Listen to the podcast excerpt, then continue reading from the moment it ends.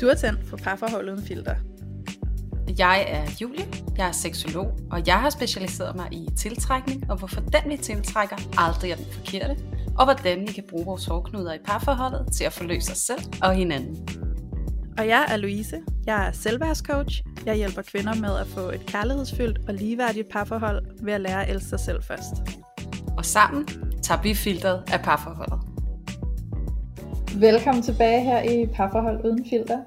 I dag, der skal vi snakke om hverdagen og intimiteten i hverdagen. Og det har vi faktisk glædet os rigtig meget til, fordi vores aller, aller, aller første afsnit her i Parforhold Uden Filter handlede netop om det. Og nu synes vi altså bare, at det er på tide, at vi taber ind i det her emne endnu en gang, fordi det er et emne, der er så super relevant for så mange. Øhm, så at jeg næsten tør at sige for alle. Øhm, så i dag der vil vi rigtig gerne kigge på, hvordan får vi intimitet ind i den her hverdag, der egentlig bare kan flyve super hurtigt af sted og komme til at handle om rengøring og madpakker og arbejde og alle de der ting, som i virkeligheden kan tro vores intimitet. Så øhm, det glæder vi os til at kigge ind i. Vi kommer til at dele lidt af os selv som vanligt. Og så kommer vi til at kigge lidt på, hvad er det for nogle ting, vi kan gøre for at få kontakt til den her intimitet i hverdagen. Og jeg glæder mig til at sige hej til dig, Julie. Hej med dig. Hej Louise. Mm, jeg glæder mig mm. til at høre fra dig, Julie, fordi jeg kunne godt tænke mig at få lidt indblik i, hvordan ser det ud for dig i forhold til det her med hverdag og intimitet. Øhm, hvad gør I for at balancere det? Ja, altså øh, jeg kan jo starte med og så lægge hånden øh, på hjertet og så sige, at det ikke altid, at vi lige får taget os af det. Ja. øhm, og der skiller jeg mig jo nok ikke ud fra så mange andre. Øhm, og det er jo nok også altså noget af det, der bliver værd at snakke om i dag. Det er lidt igen at normalisere det lidt og afromantisere det lidt, fordi at det er også lidt tilbage til det her afsnit, vi lavede med gnisten, og hvor blev den af, og vi skal have gnist, og der skal være gnist, og det skal være på en bestemt måde. Vi skal føle alle de her ting, og det skal bare blive ved med at være spændende og exciting, eller også så fungerer det åbenbart ikke. Ja. Så, så, så der, det kommer vi jo nok til sådan at, at pille lidt ned i dag, tænker jeg, fordi at det er det mest naturlige i hele verden, at, det, at der er noget hverdag, der indtræder, der er nogle rutiner, som øh, bliver oparbejdet, øh, og det er der jo også en ganske god grund til, at der gør, fordi at det er jo ligesom begrænset, øh, hvor længe vi som mennesker kan holde til at være i usikkerhed og, øh, og, hvad kan man sige, uforudsigelighed, fordi det giver altså også noget kortisol i kroppen. Så der er jo bare ligesom en grund til, at tingene de er nødt til at blive en lille smule trivielle. Ja. Øhm, men det ændrer jo ikke på, at det kan være utrolig øh, sørgmodigt og øh, udfordrende. Så, så det kan være, ja, der, der er bare behov for nogle øh, rutiner og nogle ting i hverdagen, som kan blive super kedelige, og som du også sagde i starten, Louise, så kan det jo indeholde øh, madpakker, og vi kan også godt lide at kalde det lev på steg. Og øh, det er ofte et spørgsmål, som bliver stillet det her med, hvordan kan vi undgå det her lev på steg? Hvordan kan vi undgå at blive dem, som er her og for Danmark, og bare øh, lave lever på steg og børn hver dag, og ligger i sengen ved siden af hinanden, og nærmest ikke øh, ændrer, at den anden er der, fordi at man bare er så øh, udmattet eller udbrændt. Og øh, som sagt, så er det jo ikke altid, at vi herhjemme er verdensmestre i øh, selv at tage højde for ikke at komme derhen. mm. Men øh, samtidig så øh, føler jeg mig jo også så privilegeret kvæg det, jeg laver, at jeg har en bevidsthed, at jeg har fået en naturlig bevidsthed på at, at være opmærksom på det. Øhm, ja. Så det gør også, at jeg føler, at jeg har, og det, og det er jo nok også noget, det jeg kan sige til jer, som lytter med, det handler jo faktisk virkelig om, altså i alle de rutiner og strukturer, som I har, der, der handler det jo dybest set om at bygge nogle nye rutiner og strukturer på, som relaterer sig mere direkte til jeres parforhold. Øhm, og noget af det, som øh, vi gør, der har jeg et øh, dukfrisk eksempel fra aftenen i går. Uh. Øh, min kæreste, han er ved at starte op som øh, selvstændig, og de er i en ret tilspidset periode lige nu, hvor at der sker rigtig mange ting. Der er noget, der skal lanceres, og det ene og det andet. Så det betyder også, at han sidder og arbejder oppe sent om aftenen. Og øh, han kommer hjem, og øh, vi spiser øh, æbleskiver sammen, og det er bare super hyggeligt, og Sønneke han er også med, og, øh, og han bliver puttet, og, øh, og det samarbejder vi omkring, at han gør og, øh, og så bagefter, så siger han, ved du hvad skat, jeg, øh, jeg er nødt til at arbejde i aften, fordi jeg skal til det her møde i morgen, og jeg skal lave den her pitch til det her. Øhm, og, og så, så ved vi jo godt, hvad klokken er slået, og det er vi egentlig okay med, at det er det, han skal. Øhm, men samtidig så er det jo det tidspunkt på dagen, hvor vi faktisk endelig kan være sammen, fordi vi har ikke set hinanden, siden vi sagde farvel i morges, ikke? Øh, og mhm. han er faktisk kommet sent hjem. Han kommer hjem klokken 6 øh, og spiser, og så skal Sønneke putte klokken 7, og så er han klar til at arbejde igen, ikke? Og, og der kigger vi på hinanden og tænker, og så snakker vi om, okay, jamen, øh, hvad så med os? Hvad har vi brug for? Hvad er det, vi to skal? Og, øh, og der, der, hvor vi er lige nu, det er, at vi, øh, vi har fundet en fælles interesse, og det er øh, Marvel-film. Ja. med øh, Spider-Man og Iron Man og Hulken og det hele, ikke? Altså intet mindre. Og det er jo rigtig, rigtig hyggeligt. Og øh, der besluttede vi os så for, at øh, okay, nu tager vi to en team, og, øh, og der ser vi Marvel-film, og så putter vi. Altså, så det der med, ja. det er sådan helt, okay, nu putter vi, det er det, vi skal, vi skal lægge tæt, og så skal vi se det her sammen. Og vi ved jo, når vi ser det her sammen, vi griner, øh, vi hygger, vi snakker om filmen, vi ligger ikke bare sådan passivt og observerer den, vi kan godt lide at snakke om det, der sker, også fordi vi efterhånden har opbygget et forhold til samtlige karakterer i den, ikke? øhm, og det er bare et eksempel på, hvordan, altså han skulle arbejde, og jeg skulle også ud og lave morgenmad til dagen efter, fordi vi laver sådan noget øh, overnight oats, som skal stå i køleskabet, ikke? Så, så vi havde ja. vores hverdagslige ting, som vi skulle, og som var nødvendige, men det der med, hvordan får vi proppet, hvordan får vi skabt noget nærvær øh, på den her dag, hvor vi nærmest ellers ikke har set hinanden. Og det er egentlig det, der er, sådan, er hele pointen i den her fortælling med det her Marvel og det her morgenmad og, og det her putning. Det er, at, at, at min erfaring er, at man simpelthen er nødt til at tage sig tid, nødt til at tage sig tid og lave de her huller, hvor man beslutter sig for, hvordan er det, vi vil være i den her tid. Og nogle gange, så kan det netop give mening, og så, så lave en tidsafgrænsning på det. Fordi mm. det kan faktisk også gøre noget ved selve samværet, den tid, man så er sammen. Man sætter mere pris på det, fordi vi ved, okay, det er begrænset den her tid, vi har sammen. Vi skal faktisk få det mest mulige ud af det. Man kommer til stede på en anden måde. Øhm, så det er noget af det, som jeg har erfaret, kan være rigtig givetigt ind i hverdag. Og igen, lad være med nødvendigvis at gøre det til, øh, nu skal vi have sex, eller vi skal ligge uden tøj på og lave intimitetstræning, eller alle de her store forventninger, eller nu skal vi sidde og have en dyb samtale øh, over en kop kaffe inde i sofaen. Sådan. Det kan godt være lidt svært nogle gange at komme dertil, og især hvis man er travlt optaget begge to af hver sin ting. Så, så det der med at, at tage sådan en, en simpel og måske lettere overkommelig ting, eller se et afsnit sammen af noget, som I følger med i sammen, og så finde ud af, hvordan I vil gøre det.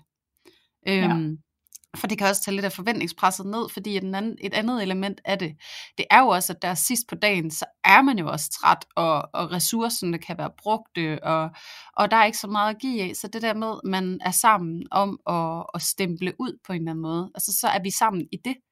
Så det der med måske også ikke at gøre Netflix og film til noget negativt, men det er faktisk måske lige præcis at det, den, det medie, der gør, at vi kan mødes i en eller anden form for nærvær med hinanden. Ja. Øhm, jeg, jeg kan godt lide at kalde det sådan støttehjul, nærværsstøttehjul. Fordi ja. at, at, at det, det gør, at vi faktisk kan møde hinanden realistisk der, hvor vi er, og det fjerner noget pres, som nogle gange også er det, der kan gøre, at det der nærvær, det bliver svært hen over tid.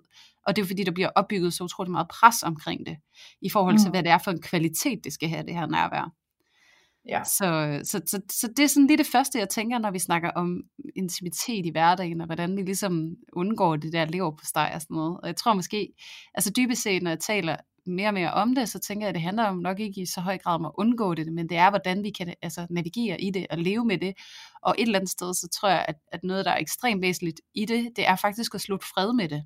Slutte fred mm. med, at der kommer lever på steg. Det er helt normalt. Det sker for os alle sammen, børn eller ikke børn, der vil altid være en hverdag, og det er det mest naturlige i hele verden, fordi det er, me- det er ikke meningen, at alt skal være nyt og spændende og thrilling all the time. Det, du skal ikke have et dopaminkick, hver gang du er sammen med din partner. Øh, det, det er ikke det, der er meningen. Det der med at bare at kunne være med hinanden, det, det, det er faktisk der, hvor at udfordringen egentlig ligger, at blive okay med det, og komme i accept ja. med det. Ja. Ja, det var mine indledende tanker. det var nogle rigtig, rigtig, rigtig gode indledende tanker, Julie. Øhm, jeg er 100% med dig i alt, hvad du lige har gennemgået, og jeg synes jo, det er så fint, fordi det, som jeg tager ud af det, du siger, det er jo i virkeligheden, find på noget at lave, som I kan mærke, I bonder over. Ikke? Øhm, fordi det, det, altså det der med, at det ikke behøver at være mange timer, eller en hel dag, eller et eller andet i den stil, men det der med, at man kan afsætte bare et lille tidsrum, hvor at man fokuserer på at lave et eller andet, man kan bonde over, ikke? fordi det er jo i virkeligheden det, som den her intimitet det er, det er jo den her connection med hinanden, øhm, hvor at netop det der med, om, om, altså det behøver sgu ikke altid at være, at vi skal sidde og kigge hinanden dybt i øjnene, Altså det kan være hvad som helst, vi kan bonde over. Det kunne også være et eller andet, vi slet ikke regner med, at vi skal bonde over. Altså sådan, mig og min kæreste, vi har, øhm, jeg ved ikke hvorfor, jeg synes det er sådan lidt skamfuldt, men øhm, min kæreste, han kan godt lide at, øh, at spille sådan noget casino på internettet. øhm, på internettet, så lød det som om jeg var 80 år gammel. øhm, han, kan, han kan godt lide at, øh, at gå på casino på nettet. Øhm, og det er noget, han faktisk plejer at gøre med sine kammerater, når de hygger sig helt vildt meget over. Og jeg har rullet lidt øjne af det, og været sådan lidt, ah, oh, whatever, hvad er det for noget mærkeligt noget, ikke? Mm. Øhm, og, så, og så har der været et tidspunkt, hvor min kæreste har været sådan, ej, skal, skal vi ikke lige prøve sammen? Og så var jeg sådan, ej, det gider jeg godt nok ikke. Øhm, og sådan lidt, for, lidt for vigtigt til sådan noget pjat. Ja. øhm, og, så, og så efter et par forsøg, så fik han faktisk overtalt mig til det.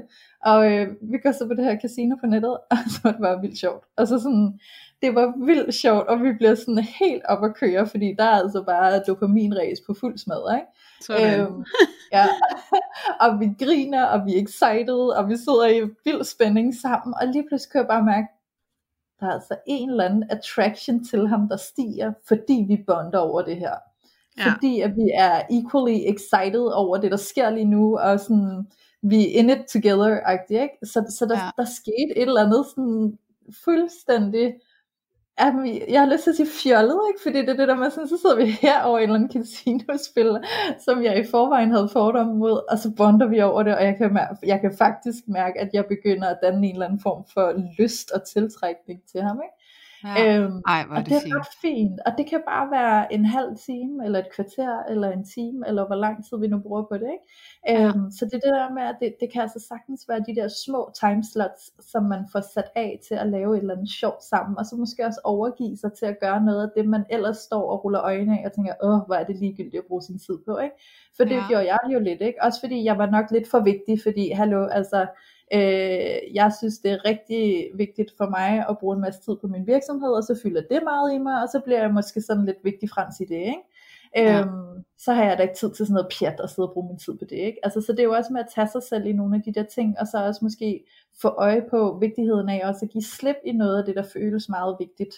Øhm, forstået på den måde, at nogle gange kan du overgøre det, der føles vigtigt. Ikke? Øhm, det kan jeg i hvert fald mærke for mig selv, fordi at jeg bruger rigtig meget tid på min virksomhed, og det gør jeg både fordi, at den er vigtig for mig, men også fordi jeg synes, det er skide sjovt, de ting, jeg laver i min virksomhed, og jeg bliver så optaget af det, at det kan sådan konsume mig fuldstændig, altså sådan fuldstændig overtage mig og optage mig, i sådan en ja. grad, at jeg kan forsvinde helt ind i det, og øh, her på det seneste har jeg, har jeg virkelig sådan gjort noget ud af at arbejde lidt på det, fordi jeg har mærket, hvor stor en afstand det har skabt mellem mig og min kæreste, at jeg, øh, at jeg bliver fraværende.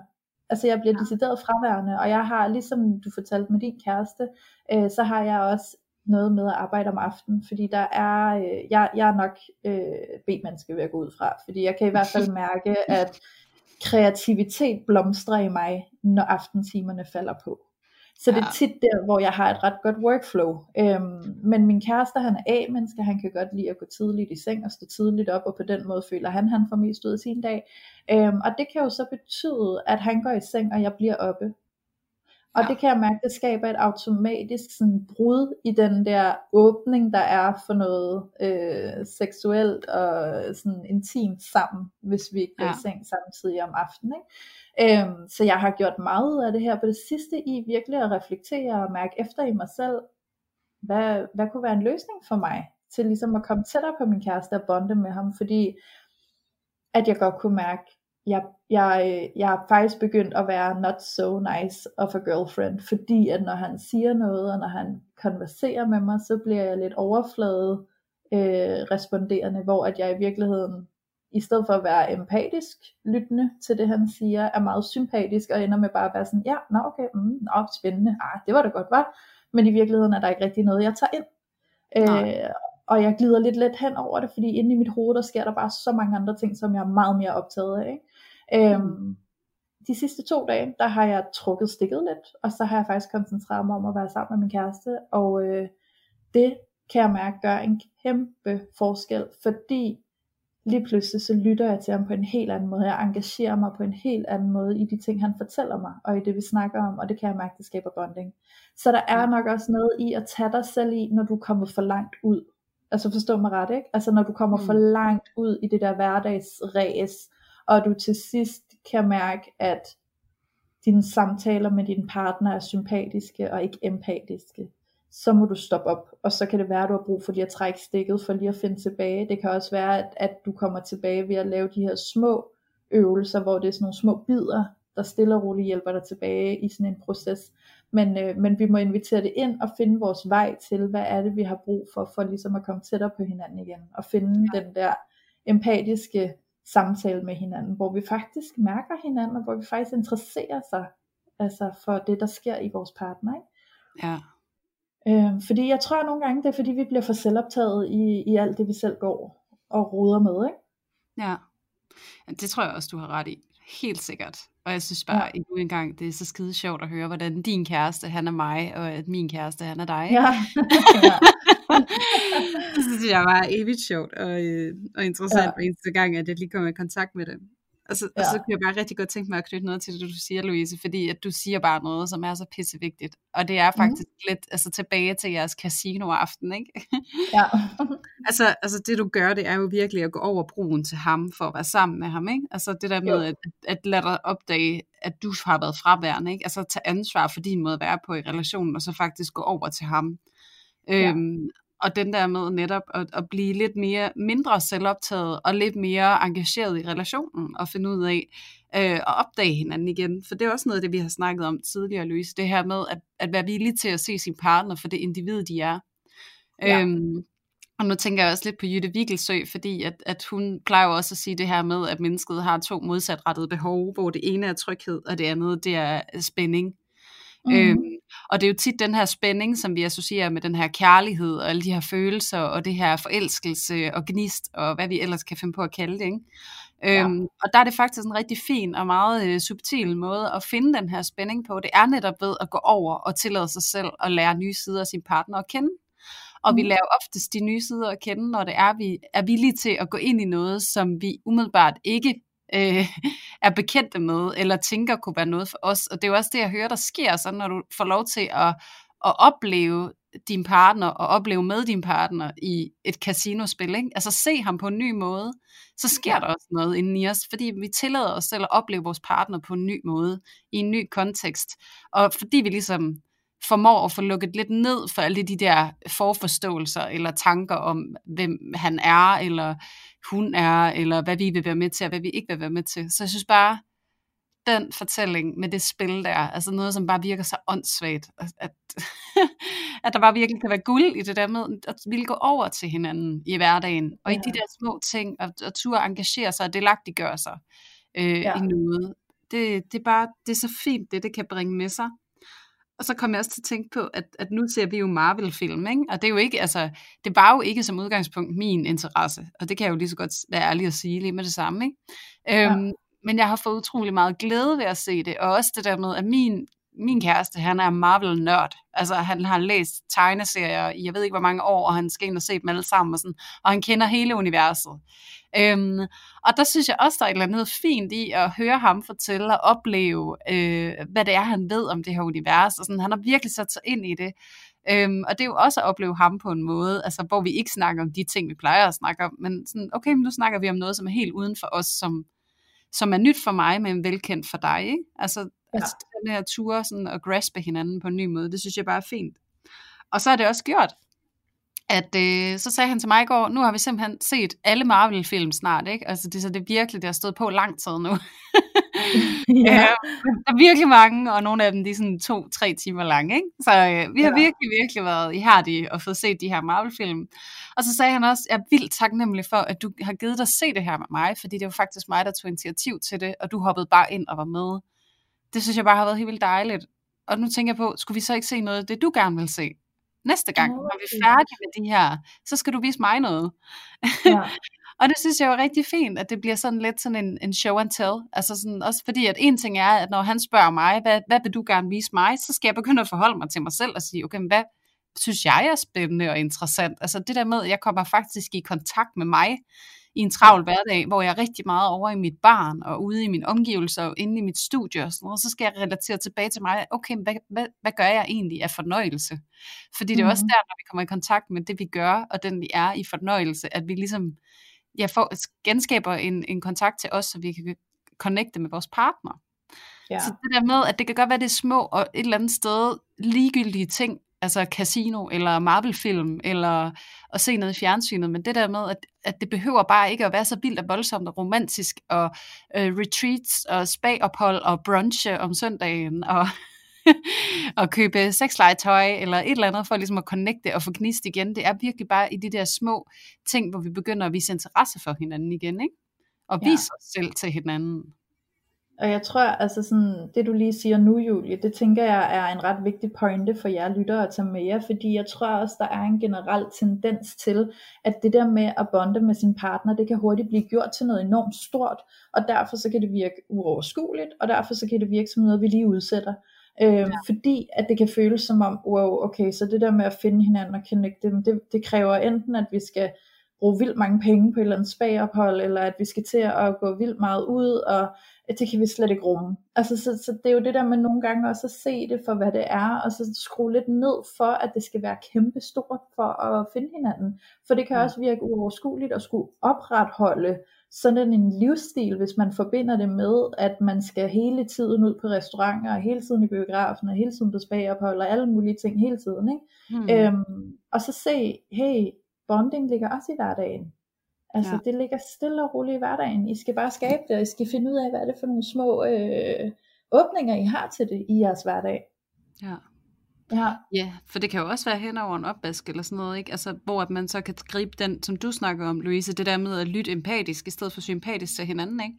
Altså ja. virkelig turde stille et spørgsmål, og virkelig lytte til, hvad der bliver fortalt, og hvad der bliver sagt, ikke? Altså bare det her, hvordan har din dag været? Altså sådan, mm. altså blive ved med at gå på opdagelse i hinanden og den andens fortælling.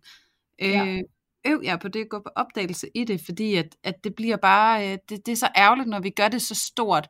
Altså det er lidt ligesom at sige, jeg vil gerne tabe mig. Jeg vejer 150 mm. kilo, altså nu tager vi bare helt ekstremt, ikke? Jeg vil gerne tabe mig. Jeg skal gå i fitness hver dag, og jeg skal lægge min kost om, og jeg starter i morgen.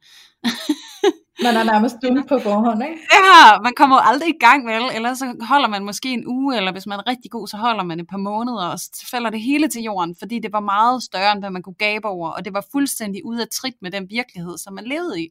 Mm. Det var alt for svært at omstille sig, så det er bare det der med at få blik for de der bitte små ting, eller de der små justeringer, vi kan lave i vores ja. kontakt til hinanden. Øhm, ja. Og måder, nye måder, vi kan være på med hinanden, som giver adgang til at ligesom at bryde lidt ud af lever på stegen. Og hvis vi skal tilbage til de der modsatrettede behov, den der tryghed, som mm. vi har mm. fået etableret med hinanden. Nu har vi været sammen så længe, og vi har børn sammen. Måske har vi været sammen i 7, 8, 10 år, og kender hinanden mega godt, og, og det bliver bare lidt kedeligt. Jeg føler, at jeg ved alt om dig. Sådan. Og det mm. kan jo også være, at man er, man er blevet så engageret i det fælles, at man har glemt at orientere sig mod sig selv. Ja. Øhm, og så når man glemmer at mod, orientere sig mod sig selv, så har man som regel heller ikke vildt meget at bringe med ind i relationen. Og som jeg også fortalte før, hvor min kæreste siger, så skal vi se noget, du kan lide at se. Øhm, ja. Der kom jeg lidt til kort, fordi at jeg er også en af dem, som orienterer sig meget mod det fælles, og, og hverdagen, og lever på stegen, og det der skal gøres, så jeg faktisk kan komme rigtig meget ud af trit med, jamen hvem er jeg? Hvad vil jeg gerne? Hvad kan jeg egentlig præsentere min partner for? Altså noget så mm. simpelt som en tv-serie, ikke? Og, han, og jeg siger ja. sådan, ved du hvad Gud, jeg kan mærke i det, du spørger mig. Jeg bliver helt præstationsorienteret, og jeg ved simpelthen ikke, jeg ved faktisk ikke, hvad jeg skal sige eller præsentere dig for, fordi det, det var virkelig, altså det var et større spørgsmål, end jeg lige havde regnet med. Ja. Øhm, og så siger jeg, ved du ikke, hvad, hvad kunne det være? Igen, og så søger jeg over ham igen, ikke, for at finde ud af, hvem jeg selv er, så åndssvagt som det lyder. Men det er vi altså mange, der gør, ikke? Altså, fordi man er så ja. ude trit med, hvem er jeg, hvad har jeg brug for, og hvad længe ser efter. Mm. Øhm, og der kan man jo også støtte hinanden, hvor han siger, du har da snakket om den der Handmaid's Tale. Kunne det, hvad, hvad med den? Og siger gud ja, og så kommer jeg i tanke om, ja, det er faktisk noget, som jeg synes er vildt interessant, noget, som tjekker vildt meget ind i min interesse, noget, som jeg kan blive helt betaget af ej, det vil jeg gerne dele med dig. Det kunne jeg virkelig Ja. godt tænke mig at, at opleve med dig også. Altså, hvordan du oplever det, ikke? Mm. Øh, så man kan også godt støtte hinanden i at komme ind i det. Øh, Men Ja. det handler virkelig om at søge ind i, hvem er jeg, og hvad, hvad, vil jeg gerne, og hvad vil jeg gerne dele med min partner. Fordi altså, der er nødt til at være en eller anden øh, form for identitet, øh, for ligesom at bryde ud af det her lever på steg, så den her fælles identitet, den ikke kommer til at stå og overskygge det hele, ikke? Jo, præcis. Men Ja. jeg synes, det er ret genialt, Julie, fordi i, i det, du fortæller om den måde, du ligesom sådan bliver sat over for og skulle finde ud af, hey, hvad, hvad er det egentlig, du kan lide, og hvad er det egentlig, du gør for din egen fornøjelse og sådan noget. Ikke? Jeg Ja. synes egentlig, det er ret genialt, fordi jeg synes også, det er en reminder på, at livet er også til for at nyde. Øhm, for jeg tror nogle gange, at vi får forvildet os ind i, at livet det er noget, der skal overleves, og at vi skal klare tingene, og at øh, der er så meget, vi skal tage os af, og det sjove må komme bagefter. Jeg tror, ja. der er sådan en retorik omkring, at vi skal, altså den der, du må yde for at nyde, ikke? altså den der med, nu må vi lige overstå alt det praktisk nødvendige først, og så kan vi tillade os at have det sjovt, ikke? og så kan Ja. vi se, hvad der er i overskud til os bagefter. Øhm, og det synes jeg måske er lidt ærgerligt, og det kunne jeg godt tænke mig at gøre et opgør imod, fordi jeg synes, vi skal leve den omvendt. Altså, do it Mm. backwards, fordi for fanden, hvor ville det være ærgerligt at tage herfra, og så tænke, nå, der blev aldrig tid til andet, fordi, prøv at høre her, det praktiske, det skal altid nok komme. Der kommer ja. til hele tiden at være praktiske ting, du kan tage dig af, øh, igen og igen og igen. Så når du har taget opvasken, og når du har puttet børnene, og når du har smurt madpakkerne, så kunne du også begynde at støve af, eller støvsuge, eller vaske gulv, eller vaske vinduer, eller du kunne også gå ind og betale regninger, og lige lave budget, og du kunne også godt lige lave det ekstra arbejde, og de mails, der ligger og venter på dig. Der er hele tiden, det praktiske står i kø for din opmærksomhed. Ikke? Så hvis vi hele tiden føler, at vi skal lige have overstået alt det sure, før vi kan gå til det søde, så kan det være, at vi helt går glip af det søde. Så der er også bare noget i at tillade sig selv at prioritere det søde ind, uden at skulle have overstået det sure først. Præcis. Ja, Præcis, det er så vigtigt. Det er netop det der med, at ja, vi skal også have øh, lavet de der øh, morgenmad til i morgen, ikke? men vi, nu vælger vi faktisk at sætte en time af til nærvær, altså til at lave noget sammen, til det fælles. Ja. Øhm, Og det er en prioritering. Ligesom at man prioriterer øh, at lave, tage en opvask for at så kunne holde fri. Ikke? Men du har helt ret i, Louise, der er den her øh, sådan old school tysker øh, ting med arbejde magt frej, ikke? ja, som virkelig er en virkelighed for rigtig mange af os. Og jeg tror også noget andet, der er vigtigt at sige, det er, at vi glemmer, at det er os selv, der sætter standarden. Altså, og, mm. og lige nu så sætter vi også standarden ud fra en spejling i vores omgivelser. Og lige nu så er vi øh, omringet og omgivet af så mange sindssygt høje standarder for, hvordan man skal være kæreste, hvordan man skal være Mm. kvinde, hvordan man skal være mand, hvordan man skal være forældre, hvordan man skal være medarbejder, eller hvordan man skal være selvstændig, eller hvordan man skal det ene og det andet. Og Ja. vi tager alle de her standarder, og så vil vi jo gerne leve op til dem alle sammen, fordi vi vil gerne være med. Altså vi vil gerne være in the game, vi vil gerne være den bedste udgave af os selv, og det er jo på mange måder en rigtig fin, hvad kan man sige, intention, mange mennesker har, det der med at være den bedste udgave af sig selv. Men vi kan bare hurtigt komme til at spænde ben for os selv, når vi, når vi tror, at vi skal leve op til alle de her standarder, ikke? ja præcis. Fordi noget af det, jeg også tænker, når du fortæller, det er det her med, at, at nu er der sikkert mange forældre, der også skal sidde og tænke, ja ja, det er fint at tænke på sig selv, men når man har børn, så er man altså bare nødt til at sætte dem først, altid. Og så må man bare lære at leve med, at der altid er nogen, der kommer før en selv. Mm. Øhm, og der kan det godt være, at jeg er utraditionel, eller at, at, øh, at jeg siger noget upopulært nu, men helt ærligt, det bestemmer du sgu selv. Øhm, Ja. Og det er fordi, at tit, når vi ikke kan være til stede, når vi ikke kan komme til stede med os selv, så er det også den udgave os selv, vi præsenterer vores børn for. Det betyder, at vores børn heller ikke kommer til at evne at være til stede med sig selv. De kan ikke komme mm. til stede, fordi det er mor og far heller ikke. Øhm, Ja. Så det her med, at vi tillader os selv at komme til stede, og husker, at det er relationen og nærværet og, og connection med hinanden, og også med vores børn, som, som skaber det gode liv. Det handler om at Ja. være til stede. Ikke? Det handler ikke, altså vi har så travlt med at orientere os udad til, med alt det, vi skal være, og hvilken måde vi skal være øh, forældre på, og alle de her ting, som jeg også lige ramsede op før, at vi glemmer helt at komme til stede i det, som er. Øhm, og der er bare ligesom en side note til det, øh, til alle de lyttere, der lytter med, som, som har børn. Øhm, det er noget, jeg selv har arbejdet rigtig meget på, fordi jeg også er en klassisk stræber. Jeg er en klassisk øh, 12-talspige, hvis jeg skal bruge det term. Øh, mm. Så jeg vil bare gerne være super duper og 100% i alle elementer af mit liv, alle aspekter, alle relationer, øh, og især også arbejdsmæssigt. Og, og der har jeg begyndt at øve mig på at være mere sansende øh, i forhold til at kigge min søn i øjnene, kigge på hans hænder, kigge på hans hår, øh, prøve at orientere mig i, hvad sker der lige nu, hvad er det for en forbindelse, der er lige nu, og så minde mig selv om, der er kun lige nu. Der er kun ja. lige nu. Putning, det er ikke lige nu. Børst tænder og sådan noget, det er ikke lige nu. Lige nu har jeg en mulighed, en enestående mulighed for at se mit barn i øjnene og komme ja. til stede. Fordi børn, de er som udgangspunkt til stede, men mister den forbindelse, fordi de er omkring voksne, som ikke er det. Ja. Så giver de også slip på et eller andet tidspunkt, ikke? fordi det bliver ensomt at være til stede i et sted, hvor der ikke er andre, der er det. Ikke? Så, så det der med at øve jer på det, både med jeres partner, men også med jeres børn, fordi det er, når I kommer til stede, at de der rutiner, de bliver brudt lidt. Altså fordi, ja. at man er mere nærværende. Ikke? Så det er altså også en guide. Ja, og jeg tænker også i det, du siger, Julie, øhm, om der ikke også ligger noget i, hvad vi viser vores børn. Fordi hvis vi viser vores børn, at vi sætter os selv i sidste række hele tiden, er det så ikke også det, vi lærer vores børn, at de skal gøre? Jo, præcis. Og samtidig så lærer vi dem jo også, at de altid kommer i første række. Altså at, ja. de, at de også føler sig sådan entitled på en eller anden måde. det er jo også sådan, at man, man desværre altså, klæder nogle rigt, børn rigtig dårligt på, med at de bliver sådan meget curlingagtige, eller sådan meget egoistiske, eller selvoptaget. Altså, men det der mm. med, at man viser sit barn, at jeg har et værd, altså sådan, at jeg skal også være her, at, at det, at jeg er til stede, og jeg har det godt, og jeg er autentisk, mm. det, det er værdifuldt. Øh, Men så også, det må... så lærer barnet jo også, at det må det også godt være. Altså det må også godt Præcis. have en værdi i verden, hvor det må kræve noget plads her i verden. Ikke? Øhm, og det så... ironiske er, det når vi kommer til stede og er autentiske med os selv og vores grænser, at vores relationer, de har det allerbedst. Fordi at folk, ja. de kan mærke os. Om det så er vores ja. børn, eller vores partner, eller vores forældre, eller vores veninder, eller hvad det er. Når de kan mærke os, så vil kvaliteten af vores relationer altså være markant bedre, end det vi normalt erfarer ved ikke mm, at være mm, autentisk. Ikke? Ja, netop.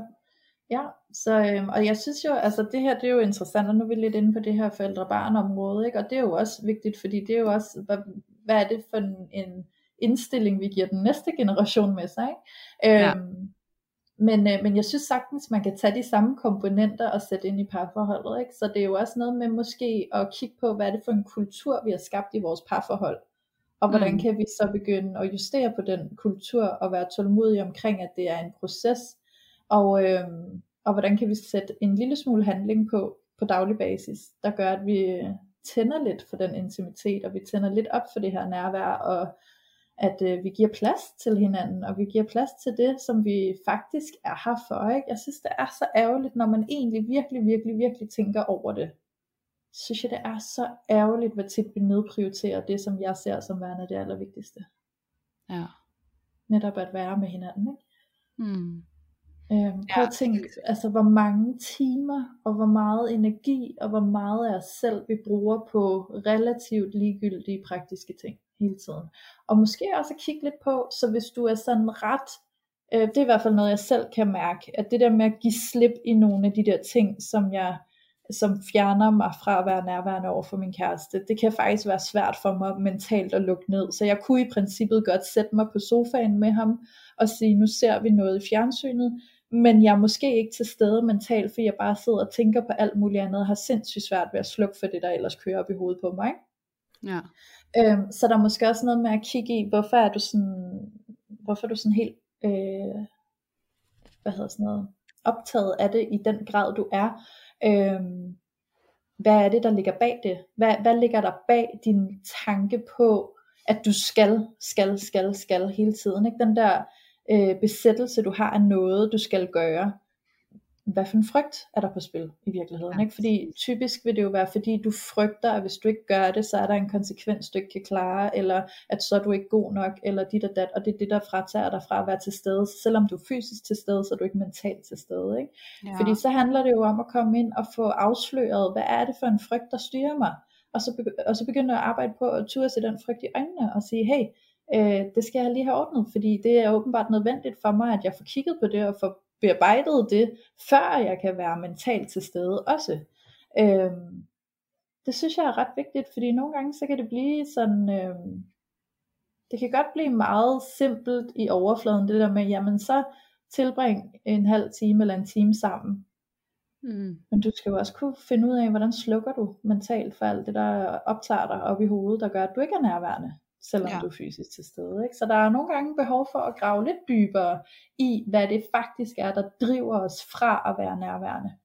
Ja, ja. helt sikkert. Og det er jo også meget individuelt, altså. Alt efter, ja, hvem er man er, og hvad, der, hvad man prioriterer i sit liv. Men det der med, at og det ved jeg ikke, om det gælder for alle, men det, jeg kan i hvert fald mærke, at det har hjulpet rigtig meget for mig, at, at det der med at tage styringen tilbage, at det er mig, der sidder ved roret og, og bestemmer kursen, ikke? Altså, fordi det er mig, der i dybest set, når alt kommer til alt, er den, der afgør, hvad der er vigtigt. Ja. Øh, fordi jeg godt kan blive virvlet ind i, eller fanget af alle de der normer og forventninger, jeg føler, jeg skal leve op til. Øh, ja. Når man scroller på Instagram, eller øh, ser andre gøre karriere eller et eller andet, eller ser andre forældre eller deres børn, hvordan de opfører sig. Nu burde man jo også selv blive sådan en forælder, så ens barn også kunne få lige så mange ressourcer eller whatnot, ikke? Øhm, mm. og det der typisk bare er, er opskriften, det er netop at komme til stede i sig selv og mærke efter, som du også siger, Louise, hvem er jeg, og hvad vil jeg, og hvad er jeg drevet af, og hvorfor, og ligesom at rydde ja. op i de der motiver, man har, altså, og afgøre, hvor vigtigt er det egentlig. Mm. Øh, når jeg finder ud af, hvor motivationen kommer fra, så er det også det der med, jamen er det en indre motivation, eller er det sådan en yderstyret motivation af noget, jeg føler, jeg skal være, som jeg ikke altså, kan anerkende mig selv for at være nu, der hvor jeg ja, er. Præcis. Ja, øhm. ja, fordi det er jo sådan, altså jeg kan da i hvert fald mærke for mig selv, at det der med bare at slappe af og lave ingenting, eller lave noget, som jeg synes øh, kunne være sådan en eller anden lidt ligegyldig ting, det kan faktisk være svært for mig, for jeg kan blive sådan helt, øh, det spilder tid. eller sådan, ikke? Altså, ja. Altså, fordi jeg, jeg skaber jo ikke noget ved at gøre det her, eller der, jeg, jeg udretter ikke noget, eller sådan. Øhm, så, så jeg får nærmest sådan en indad følelse af, at det ikke er vigtigt, eller sådan, at jeg burde tiltage mig, eller tage mig noget til, der er meget vigtigere, eller sådan, ikke? Og det, ja. det er jo i virkeligheden, det er jo i virkeligheden ikke en øhm, sandhed. Det er jo en frygt, der er på spil inde i mig. Så der er jo også noget for mig i at opdage, at det at lave ingenting, eller lave de der, i går så en ligegyldige ting, er lige så vigtige, fordi de bringer noget andet med sig, de skaber noget andet, de skaber kontakt til min kæreste, de skaber intimitet og connection til min kæreste. Ikke? Ja, ja øhm, og jeg ved, at for min kæreste, ja, og til mig selv, og det er jo det, fordi connection med vores kæreste handler jo også rigtig meget om at være connected til os selv. Øhm, ja, og jeg ved jo et eksempel. Ja, præcis. Altså for min kærestes vedkommende, der, øh, der bor sådan et meget gammelt, meget stærkt mønster i, at vi skal lige sørge for, at der er ryddet og rent, før vi hygger, ikke? Altså sådan, øhm, jeg ved godt, hvorfor du smiler. Også ja. Så, øhm, og det kan jeg jo godt mærke, at det, det, der er jeg lidt mere loose, så kan godt sådan, vi godt hygge, selvom det er roderagtigt, ikke? Øhm, og, og, det ved jeg jo også, at nogle gange så bliver det jo også lidt en obsession for ham, hvor at jeg kan kigge, og så kan jeg prøve at støtte i at sige, vil det være okay, vi bare prøver at lade det stå, og så hygger vi, ikke? Altså sådan, så vi ikke først skal bruge al vores tid på det. Øhm, så der er jo nogle forskellige ting, man skal få øje på i sig selv, og måske i hinanden, hvor man kan støtte hinanden på en kærlig måde, ikke? til ja, at, at fokusere lidt mere på, på det, som også er vigtigt, men som vi nogle gange føler bliver ligegyldigt, men som overhovedet ikke er ligegyldigt. Ja, for det er jo også nemt i den situation, du beskriver der, Louise, at bare komme til, du ved, at negligere sin partners altså behov, eller hvad der er vigtigt ja. for dem, at sige, ej, lad nu være med det rod, det er jo ikke vigtigt. Altså er det ikke ja. vigtigt, at vi er sammen, eller hvad? Hvor det er bare sådan, okay, nu sidder du faktisk og siger, at, at din perception, eller din oplevelse af, hvad der er vigtigt for dig, er det, der bliver allervigtigst for jer også. Altså sådan, man går ind ja. og tror i relationen og siger, at hvad jeg oplever som værende vigtigt, er det vigtige, ikke? Altså jo, hvor det, det der med netop, som du siger, med at møde sin partner og sige, ved du hvad, jeg ved faktisk godt, at det er utrolig vigtigt for dig, at der er ryddet, for at du kan slappe mm. af. Ja. Hvordan vil det være for dig, at vi bare prøver ikke at gøre det i dag? Vil det være okay for dig? Eller har ja. du brug for lige at få det gjort? Ja, altså, så det der med netop bare sådan at respektere, wow, jeg ser faktisk, at du har et behov, jeg ser, at du er anderledes end mig, og jeg viser dig, at det faktisk er okay for mig, fordi det er nogle gange den rummelighed, som der giver den anden adgang til at slippe det. Mm det der med, fordi det der med at blive rummet i noget, som, som man føler sig rigid omkring, som man måske ikke selv er helt glad for, det at den anden ja. sidder til dig, det kan jeg faktisk godt rumme. Jeg er faktisk okay ja. med, at det er sådan, du har det. Det gør, ja. at vi selv kan blive okay med det, og så kan det også åbne op for noget nærvær, fordi sådan, man bliver connected med et sted, som er svært. Det er alt, der sådan, ligesom er sådan en obsession, ligesom det der med, at der skal være ordentligt, før jeg kan slappe af. Ikke? Det, er jo, det, er jo, mm. det er jo connectet til et usundt sted ind i os, eller et ubearbejdet mm. sted, et følsomt sted, ikke? at vi har nogle betingelser for, at vi må være der. Så det Ja. der med, at man får også øje på, at jeg ved, at det er sårbart for dig. Altså i kraft af, at det er vigtigt, så er det også fordi, det er connected til noget sårbart inde i dig. Så Ja. det, det kan jeg være med. Jeg, jeg, jeg vil da gerne, ikke? Også i det. Jo. Og netop det, som du siger, det synes jeg også er, øh, nu tabte jeg en lyd, men det jeg godt ville sige, det var bare, det er jo også en måde at undgå konflikt, når vi kan rumme det på den måde, fordi det er jo tit også der, hvor at det går galt for os. Ikke? Det er jo, hvis vi, hvis vi går på bagben, og netop tænker sådan, det der er vigtigt for dig, kan jeg ikke se vigtigheden i, så nu siger jeg bare, åh lad det dog være, er det ikke vigtigt, at vi er sammen? Ikke? Altså, fordi så er det jo netop den der med, hvis den anden i forvejen føler, at det er svært at være i den stress, de føler om at skulle noget først, og faktisk ja. har det lidt svært med det, og måske ubevidst blamer sig selv også lidt for det, og så bliver mødt af sådan en anklage, jamen så er det jo tit der, hvor der kan antændes en konflikt, ikke? og der kan antændes ja. en irritation, og så udspringer der så måske et skænderi, og så står vi med den, ikke? så står vi med lorten lige der, hvor det faktisk var meningen, at vi skulle møde hinanden, og have noget nærvær og være sammen, og så endte det desværre bare med et stort skænderi, og så var vi sådan, nå fedt, det kunne vi så heller ikke finde ud af, ikke? Nej, altså sådan, og så kan man jo køre fast i den der følelse af, Nå ja, fedt, vi kan ikke engang finde ud af at være sammen, fordi så ender vi bare med at skændes, ikke? Eller sådan. Ja, og så kan man jo også bare pege fingre af hinanden og sige, det kraftet med os, du skal altid have det så pisse perfekt og rent og alt muligt, for at vi to vi overhovedet kan bare tænke på ja. at være sammen. Det er fandme dig, der gør det svært for os at være sammen, ikke? Altså, ja, eller er jeg ikke vigtigere end den skide opvask, ikke? Altså, ja, sådan, præcis. Det der med at gøre det Ja. personligt, altså det der med Ja. netop at blive subjektiv omkring den andens oplevelse, altså sådan, at man får det til at handle om en selv, i stedet for netop Mm. at blive hjemme, ikke? Og, så, Ja. og så støtte hinanden i at komme til stede. Og det, det er jo bare det, der er sådan er hele humlen i det hele, ikke? Hvordan kan vi støtte hinanden i at komme til stede? ja. Øhm, I stedet for, hvordan kan vi skubbe hinanden længere væk, eller stå og dømme den anden for, eller kritisere den anden for, at de ikke er til stede. Ikke? For det, det er jo Ja, det, er jo det handler jo nok vej, om at få øje på, at det er det, vi gør. For jeg tror Ja. altså, i de fleste tilfælde, så er folk jo ikke engang klar over, at det er det, der sker, når de reagerer på den måde. Ikke? Så det er jo også med at blive bevidst om, at hvis du har den reaktion, så skal du vide, det er det, du sætter i gang. Ja. Øhm, og jeg tror sådan, øh, nu sagde jeg sådan, at, at jeg er ikke vigtigere end den opvask. Jeg får næsten lyst til at sige, at jeg er ikke vigtigere end det arbejde. Øh, ja. Fordi den tror jeg måske i høj grad kunne gøre sig gældende hos rigtig mange, at der måske er en part, der arbejder meget, og man kan stå der og føle, hvad med mig? Ja, præcis. Øhm, fordi det, det ved jeg da i hvert fald, at jeg kan godt blive meget arbejds øh, obsessed, hvis man skal sige det sådan, fordi jeg synes det er sjovt, og fordi jeg synes det er fedt, og fordi jeg lægger mit hjerte helt ind i det. Ikke? Mhm. Øhm, men jeg skal også huske min kæreste i det. Jeg skal også huske, at, øh, at jeg har også et liv sammen med ham, og at han er sindssygt vigtig for mig at være sammen med også. Øhm, også fordi jeg kan jo mærke, der sker jo noget. Nu, nu har jeg lyst til, Julia, at vi også lige tager det her med de maskuline og feminine energier ind. Fordi Mm. det har altså også noget at skulle have sagt. Jeg kan jo godt mærke, at når jeg går ind i, min, i, i, i arbejdet med min virksomhed, og jeg gør det rigtig, rigtig meget, så er jeg rigtig meget i min maskuline energi. Øhm, og mig og min kæreste, vi havde faktisk en snak om det, hvor han også sagde sådan, altså jeg oplever dig nærmest som om, at du bliver sådan fuldstændig uafhængig, og sådan en rigtig boss lady, øhm, og jeg ved ikke lige helt, altså sådan, hvor skal jeg stille mig i det, fordi føler ikke rigtig, du har brug for mig, eller sådan, ikke? Øhm, Ja. og det, det har altså en stor betydning, og det slog mig ret meget, da han sagde det. Jeg tog det virkelig til mig og var sådan, wow, måske har jeg i alt det, når jeg er så meget i min maskuline energi, kommet til at hæve mig selv lidt også. Mm.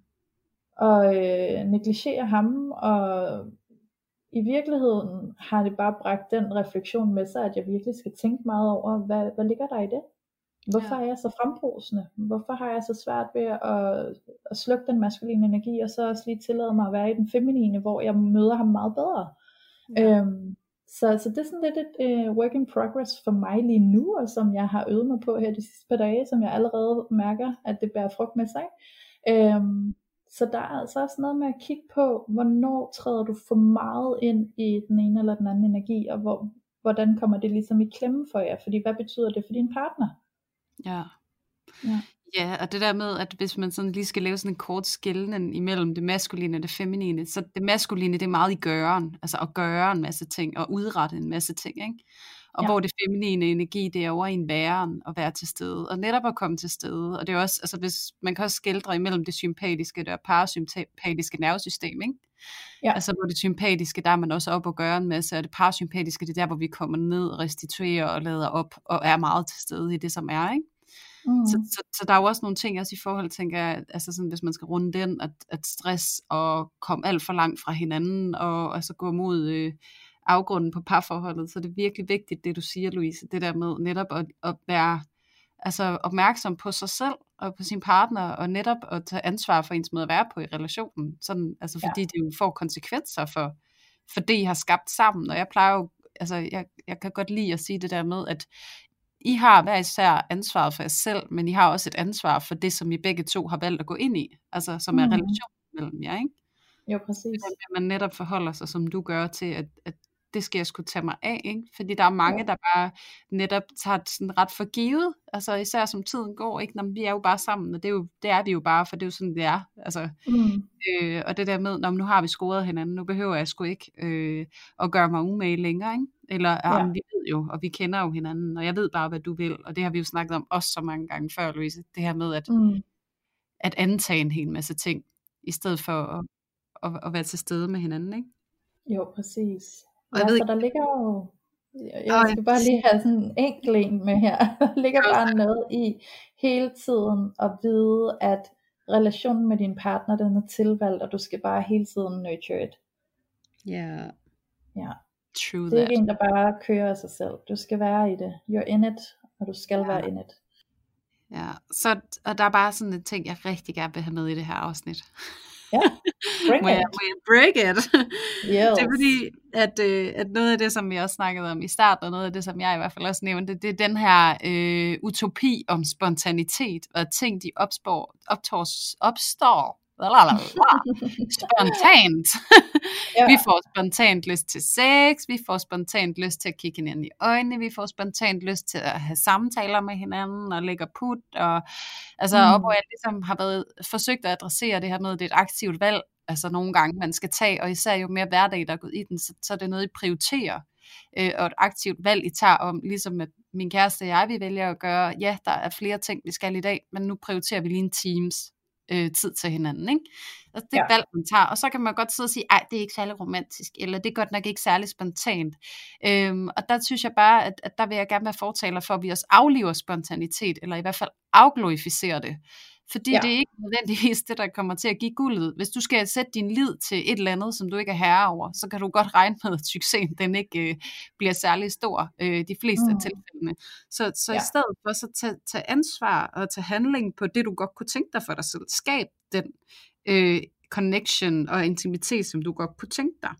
Og det kræver ja. altså nogle gange, at vi laver en forventningsafstemning, i stedet for at antage, hvad det er, den anden vil. Altså der er tit også den her med, nu ligger vi i seng om aftenen, og børnene er puttet, og madpakkerne er smurte, og nu skal vi egentlig slå benene op, og ej, nu vil han sikkert have sex, eller det vil hun sikkert, og ej, det orker vi ikke. Altså det der med, at tingene, de får lov til at få en plads helt randomiseret. Altså sådan, mm. når man nu er det aften, og nu ligger vi i sengen, så må det jo være der, det hedder sex.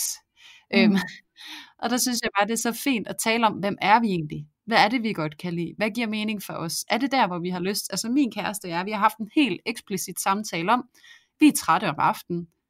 Vi har ikke mhm. lyst til at have sex om aftenen. Fordi der er ikke særlig meget testosteron, fordi testosteron, det er sådan et energihormon, som bliver forbrugt i løbet af dagen, og det er altså også et lysthormon.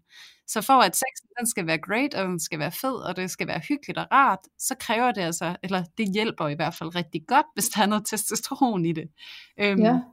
Så der har vi taget en aktiv beslutning om, okay, jamen det, det har vi ikke lyst til, og det forventer vi ikke sådan, og det giver faktisk utrolig meget ro, det der med at snakke ja. om, hvem er jeg, hvem er du, hvem er vi, hvad kunne vi tænke os? Og der er det sådan, for os, der har vi besluttet, at sex, det er vigtigt. Øh, og ja. vi kunne godt tænke os at have god sex. Vi kunne godt tænke os at have noget, noget, noget sex, som er givende, som er spændende og som er dejligt. Altså ikke, at det behøver at være alt muligt huhej vilddyr. Nu skal jeg ikke få det til at lyde vildere, end det er, fordi at, at det, bare for at sige det, uden at sige for meget missionær, det kan altså noget. Øhm, mm. men det er mere kvaliteten af det nærvær, man kan lægge i det. Altså jeg kan være ja. nærværende over for det. Jeg kan være nærværende over for det, vi laver sammen. Så det der med bare at sige, okay, hvad for nogle mennesker er vi? Øh, hvad har vi lyst til? Hvad har vi ikke lyst til? Så det ikke bliver overladt til tilfældighederne, eller til spontaniteten, hvornår vi har sex, fordi det der frustrationen opstår, fordi vi, det er ud af vores hænder. Mm. Vi, vi føler, det er ikke noget, vi har noget at gøre med længere, det er noget, vi overlader til tilfældigheder, og det kan være så ubehageligt, og det kan være så destruktivt. Så, så tal om, hvem I er. Tal om, hvad I kan lide, hvornår I kan lide det, hvad der er vigtigt for jer. For eksempel, når jeg har sex, så er det faktisk vigtigt for mig at have noget energi. Ja. Øh, det er vigtigt for mig at have taget opvasken. Okay, men kunne en del af forspillet så være, at øh, jeg går med derud og tager en opvask, og så hygger vi os med det, eller whatever. Ja. Så det der med at gøre det til jeres, i stedet for at bare læne jer ind i alle de der normative forståelser af, hvad der er den rigtige måde at gøre det på, hvor man forholder ja. sig fuldstændig passivt øh, til det. det. Det er altså bare, det er den største fjende, øh, når det kommer til lav på steg og hverdag. Det er det der med at bare at sætte sin lid til, at det opstår nok af sig selv. ja, jeg synes også, altså jeg synes jo, det er så vigtigt, det du siger, Julie, fordi den der med, at det er meget taget for givet, at sex hører til i soveværelset om aftenen, når vi er gået i seng. Jeg synes også, den tit er kritisk og lidt kryptisk, fordi jeg tænker, Julie, du har sikkert prøvet det. Jeg er sikker på, at så mange af jer lytter derude, I kan stemme i med det, jeg siger nu. Hvor tit har I ikke ligget om aftenen, og I har været trætte, og I er udmattet, og så starter den der indre debat. Sove mm. eller sex?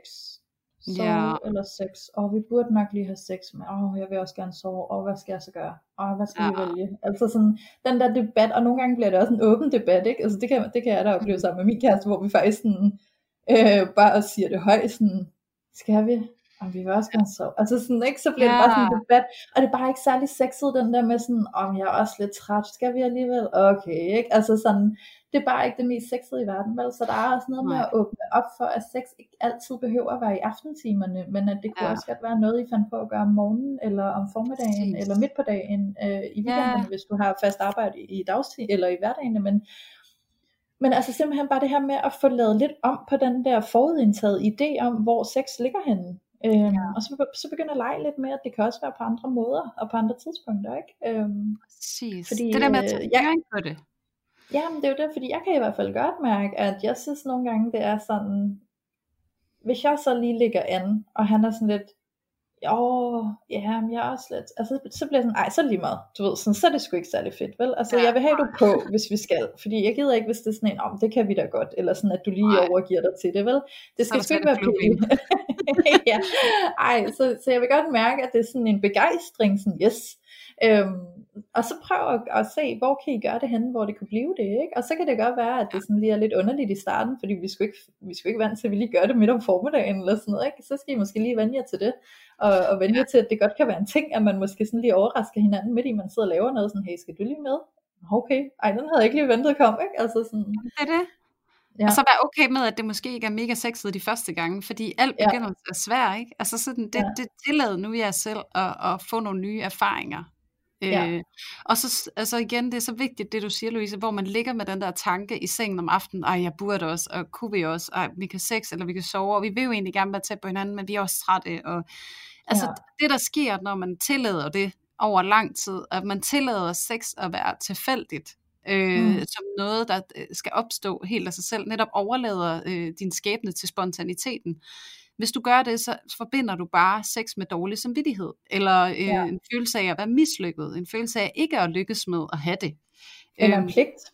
Ja, præcis. Og det er jo det, der sker, når vi begynder at føle os mislykket omkring noget, eller begynder at konnotere øh, negativt omkring øh, sex, fordi det bliver sådan en ting, der bliver overladt til tilfældighederne, som vi ikke lige får gjort, som lige står nederst ja. på listen.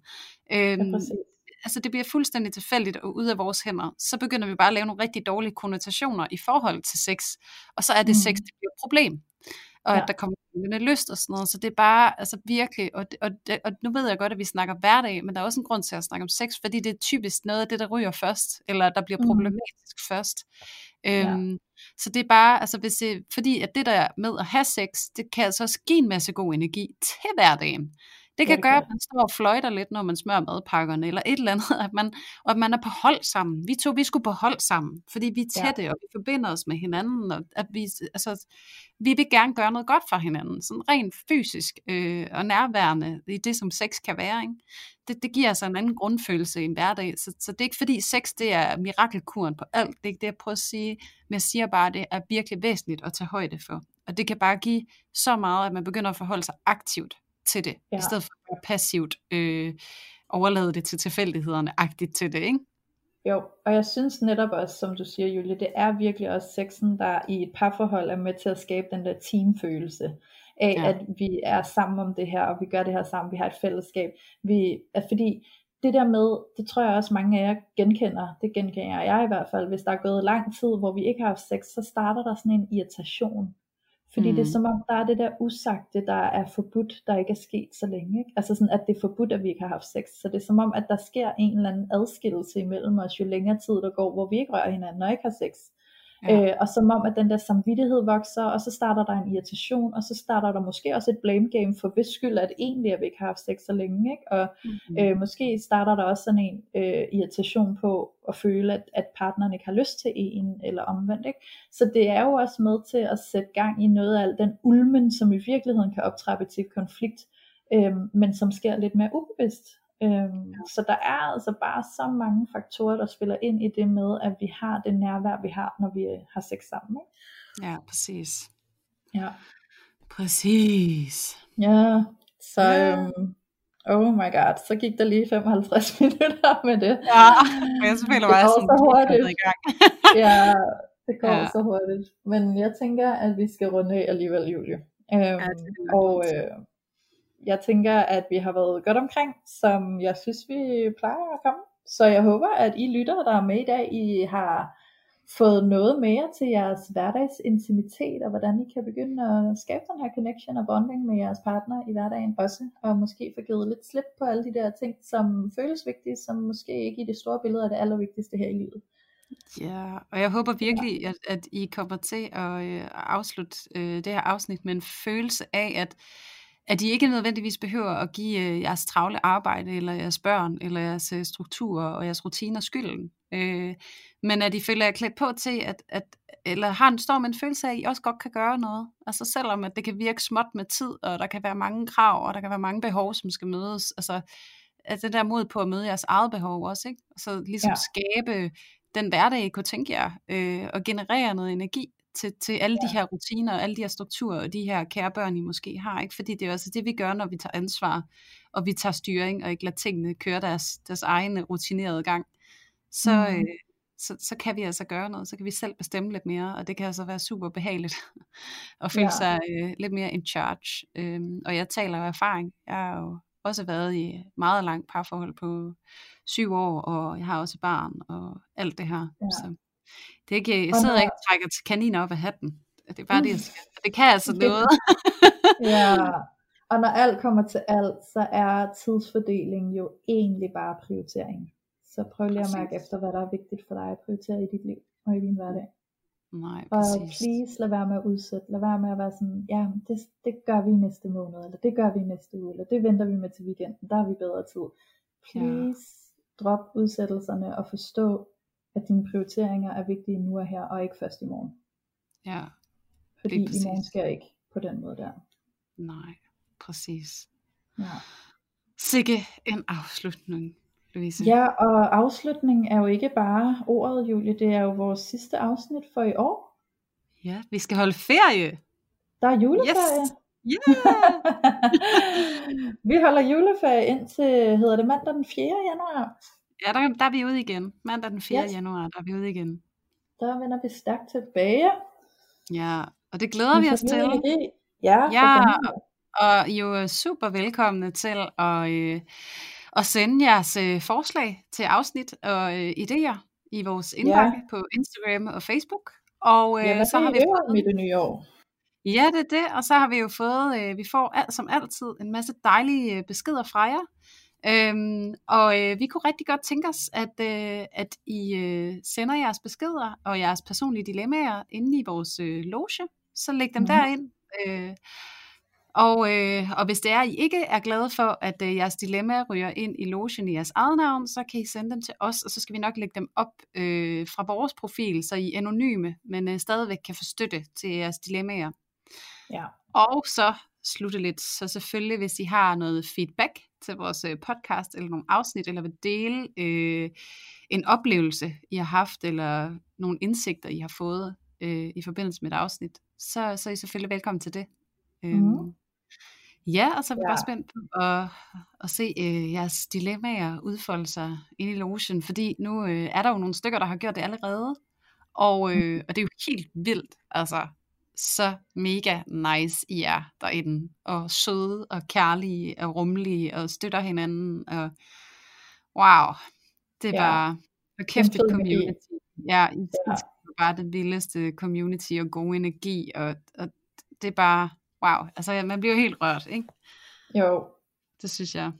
Ja, det er ret fantastisk at se. Så til, så til alle jer, der sidder med et dilemma derude, eller et problem, eller et eller andet, så, øh, så kan I altså, jeg, vil, jeg tør godt lægge hovedet på bloggen og sige, I kan, I kan trygt slå det op derinde, fordi der er bare øh, en kæmpe gruppe af fantastiske mennesker til at, at støtte jer og gribe jer derinde.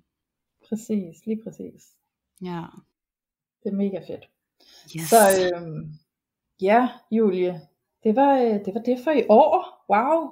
Ja, det er også sjovt, at vi startede med det her, og slutter af med det her. Ja, er det egentlig ikke også, øh, er det ikke egentlig også vores 40. afsnit? Jo, det er afsnit nummer 40, 40'erne. Ja, 40. afsnit. Vi går ind i 40'erne nu. ja, det, er, det er jo både afslutning og jubilæumsafsnit, det her. Ja, det, det er vist et ret godt sted at, at, at runde Ja, af. det tænker jeg. 2020, Det tænker jeg. Wow, det går, det går op i en høj enhed, det hele. Du. Altså man kan sige Ja. meget 2020, ikke? Men altså, I fik parforhold uden filter. Ja. You're welcome. ja, ej, vi har, vi, har haft, øh, vi har haft fest med det, og det har det i Ja. hvert fald gjort vores 2020 øh, så meget bedre, at, at vi har sat det her i søen, og øh, fået kendskab til alle jeres skønne mennesker, som, som er derude. Ja, det, øh, det har satme været lækkert. Så tak Ja, for jer, og tak for modtagelsen, og fordi at I lytter med, og fordi I deler, og fordi I kommenterer, og fordi I liker, og fordi I anmelder, og giver stjerner, og thumbs up, og det har bare været tusind tak for et, pissegodt år, undskyld med franske, øh, og en skidegod start. Ja, ej. Det har været Ja. så godt. Altså det er gået over al forventning, og jeg er simpelthen så begejstret og lykkelig for det her, vi har fået skabt, og jeg er så glad for at mærke, at I er med os, alle, os, øh, alle jer, der lytter med. Det er Ja. så fedt at mærke, hvordan jeres energi brænder igennem til os, og hvordan vi kan mærke, at vi har et fællesskab sammen. Ja. Så øhm, jeg vil også bare lige have lov at sige tusind tak til alle jer, der lytter med. Og så glæder jeg mig sindssygt meget, Julie, til at vi starter et nyt år sammen i Ja. parforhold uden filter. Og glæder mig til alt det nye, vi kommer til at skabe sammen. Mm-hmm. Det skal I lytter nok også få lov at høre nærmere om, når, når året nu, gang, nu engang går i gang. Præcis. Der er så meget godt i vente. Det bliver et godt år. Wee! Ja, det gør det. Woohoo! vi sætter bare højt for 2021, ikke? Ja. ja. Så, Ja. øhm. Men Julie, så vil jeg bare sige tak for i dag. Ja, tusind tak for i dag, Louise. Jeg glæder mig Ja. til at snakke med dig igen øh, til Ja. næste år. Ja, Nej, vi snakkes vi nok ved. Ja. Officielt. Så, øhm, officielt snakkes vi ved 21, og bag, Mhm. behind the scenes snakker vi sammen lidt ind. Ja, formentlig. Ja, så øhm, fedt, men øh, alle jer lytter, I må have en fantastisk jul og et fantastisk nytår, og vi ses i 2021. Og det er bare det, vi gør. Glædelig jul. Glædelig jul. Hej. Hej.